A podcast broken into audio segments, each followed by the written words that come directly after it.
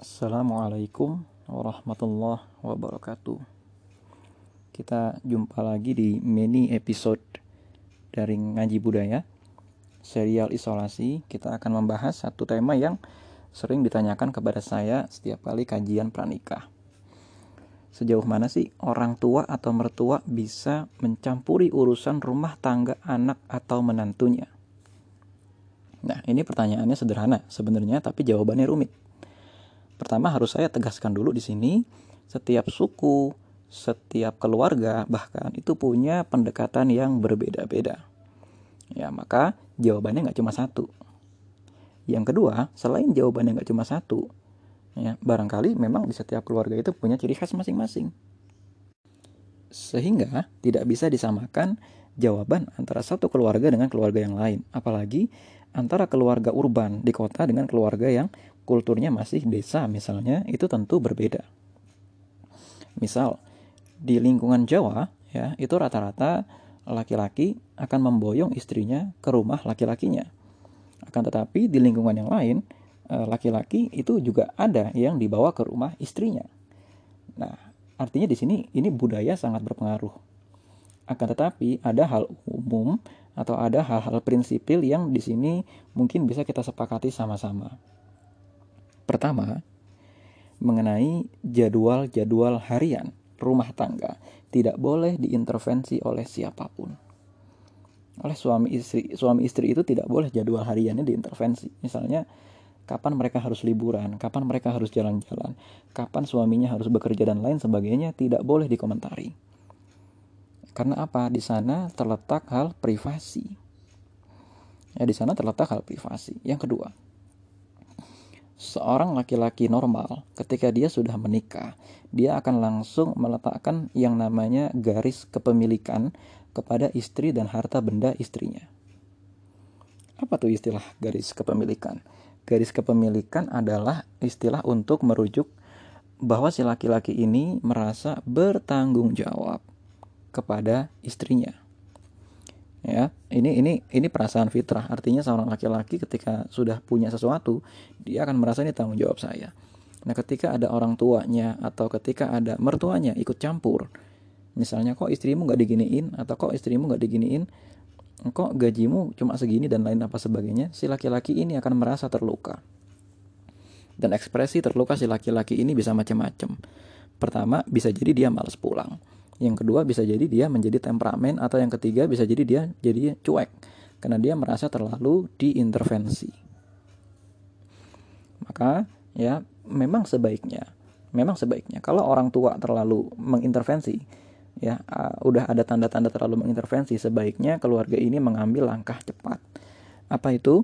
berpisah rumah dari orang tua atau berpisah rumah dari mertua demi kebaikan masing-masing. Terutama di sini yang jadi masalah adalah pihak laki-laki. Karena laki-laki itu harus punya yang namanya harga diri. Ya kan? E, tanggung jawab memberikan makan, tanggung jawab membahagiakan itu sudah berpindah dari mertua ke dirinya.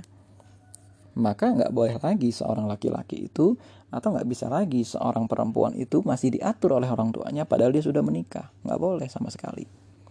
Bahkan secara fikih saja, ini yang yang apa namanya yang menjadi gambaran gitu ya. Secara fikih saja nggak boleh loh seorang perempuan itu e, pergi ke rumah orang tuanya tanpa seizin suaminya atau lagi main di rumah orang tuanya. Jadi gini, suaminya tahu istrinya lagi main ke rumah orang tuanya sendiri. Terus tiba-tiba sama orang tuanya si perempuan, si perempuan ini diajak main ke entah ke mana tempatnya, sedangkan si perempuan nggak minta izin. Dalam Islam itu nggak boleh. Karena si suami sejak awal hanya mengizinkan si perempuan ke rumah orang tuanya saja suatu ketika kalau nanti dia diajak oleh orang tuanya main ke mana dia harus memperbarui minta izinnya. Nah inilah rumitnya bukan rumitnya ya. Inilah besarnya tanggung jawab seorang laki-laki. Karena laki-laki wajib melindungi sang perempuan. Kalau nanti sang perempuan kenapa-napa di jalan tanggung jawabnya bukan yang ngajak tapi yang mengizinkan yaitu suami Nah, tapi balik lagi, ini juga bergantung dengan kesanggupan atau bergantung dengan keadaan masing-masing keluarga. Ada yang memang misalnya ya udahlah yang penting menikah dulu laki-lakinya belum bekerja dan lain sebagainya maka sewajarnya si mertua atau orang tua sang laki-laki mungkin memberikan semacam subsidi bantuan. Ya bantuan entah biaya entah beras bulanan entah memberikan mungkin kontrakan atau kontrakannya nggak dikasih tapi uang kontrakannya dikasih itu masih wajar. Kalau memang keadaannya seperti itu. Yang jelas ya si laki-laki nggak boleh apa ya bahasanya ya nggak boleh tuman gitu ya. Terus nggak boleh menggantungkan kepada pemberian mertua. Atau kondisinya yang kedua? Nah kondisi yang kedua ini misalnya e, si mertua memang ingin bersedekah ya mungkin kondisi laki-lakinya berkecukupan dan lain sebagainya dan si mertuanya ingin bersedekah itu dipersilakan saja. Ya yang terpenting ya yang terpenting tidak sampai melanggar batas harga diri laki-laki. Yang terpenting lagi juga tadi ya laki-lakinya tidak menjadi tuman. Nah ini yang yang harus diperhatikan. Atau eh, kondisi yang lain misalnya dalam kondisi ini e, memang ada hal-hal yang orang tuanya atau mertuanya merasa ini harus diintervensi. Misal terjadi kekerasan dalam rumah tangga yang itu terjadi di hadapan mertua suami sampai memukul cuman mukulannya sampai menyakitkan ya itu nggak boleh misal suami sampai menampar Ya, menampar seorang istri itu sebetulnya tidak diperbolehkan dalam Islam terkecuali memang kesalahannya begitu fatal. Misalnya istri menolak untuk sholat atau istri e, kurang ajar kepada suami, berzina di depan suami atau istri misalnya mengajak pacar di depan suaminya. Tapi kalau misalnya kesalahan-kesalahan ringan, ya nggak boleh sampai memukul atau sampai dia mengeluarkan kata-kata kotor menghina istrinya itu sudah tidak boleh. Artinya urusan-urusan jahiliyah, ya hinaan-hinaan yang urusannya ke nasab, urusannya ke fisik dan lain sebagainya itu nggak boleh. Itu harus diintervensi. Atau yang kedua batasan intervensi yang diperbolehkan. Sang suami mengalami suatu musibah. Contohnya sakit parah sekali atau kecelakaan atau mengalami suatu kondisi ya misalnya intinya dia tidak lagi bisa menafkahi secara benar entah sakit entah tiba-tiba gila hilang ingatan dan lain sebagainya maka mau tidak mau mertua mengintervensi dimediasi. Nah ini suamimu sudah begini, harus bagaimana? Dan sebaliknya, mas ini istrimu sudah begini, mau bagaimana? Diintervensi aja nggak apa-apa. Ya contoh, ini ada ada satu kasus yang cukup menarik yang pernah saya temui, meskipun saya tidak ikut menyelesaikan, tapi saya memperhatikan dari jarak jauh. Qadrullah sang istri gitu ya selepas uh, apa namanya selepas hamil melahirkan dan lain sebagainya anaknya meninggal ternyata difonis dia sudah tidak bisa hamil lagi Nah, artinya si rumah tangga ini sudah qadarullah nggak akan mungkin punya anak. Dalam hal ini bolehlah mertua memberikan pilihan kepada suaminya. Bagaimana nih dengan istrimu sudah tidak bisa lagi menghasilkan anak. Nah, itu harus eh, bukan harus ya, boleh saja diintervensi. Atau dalam kondisi lain kondisi yang membahayakan bagi rumah tangga. Contohnya, salah satu di antara pasangan tersebut terbukti berzina atau terbukti selingkuh.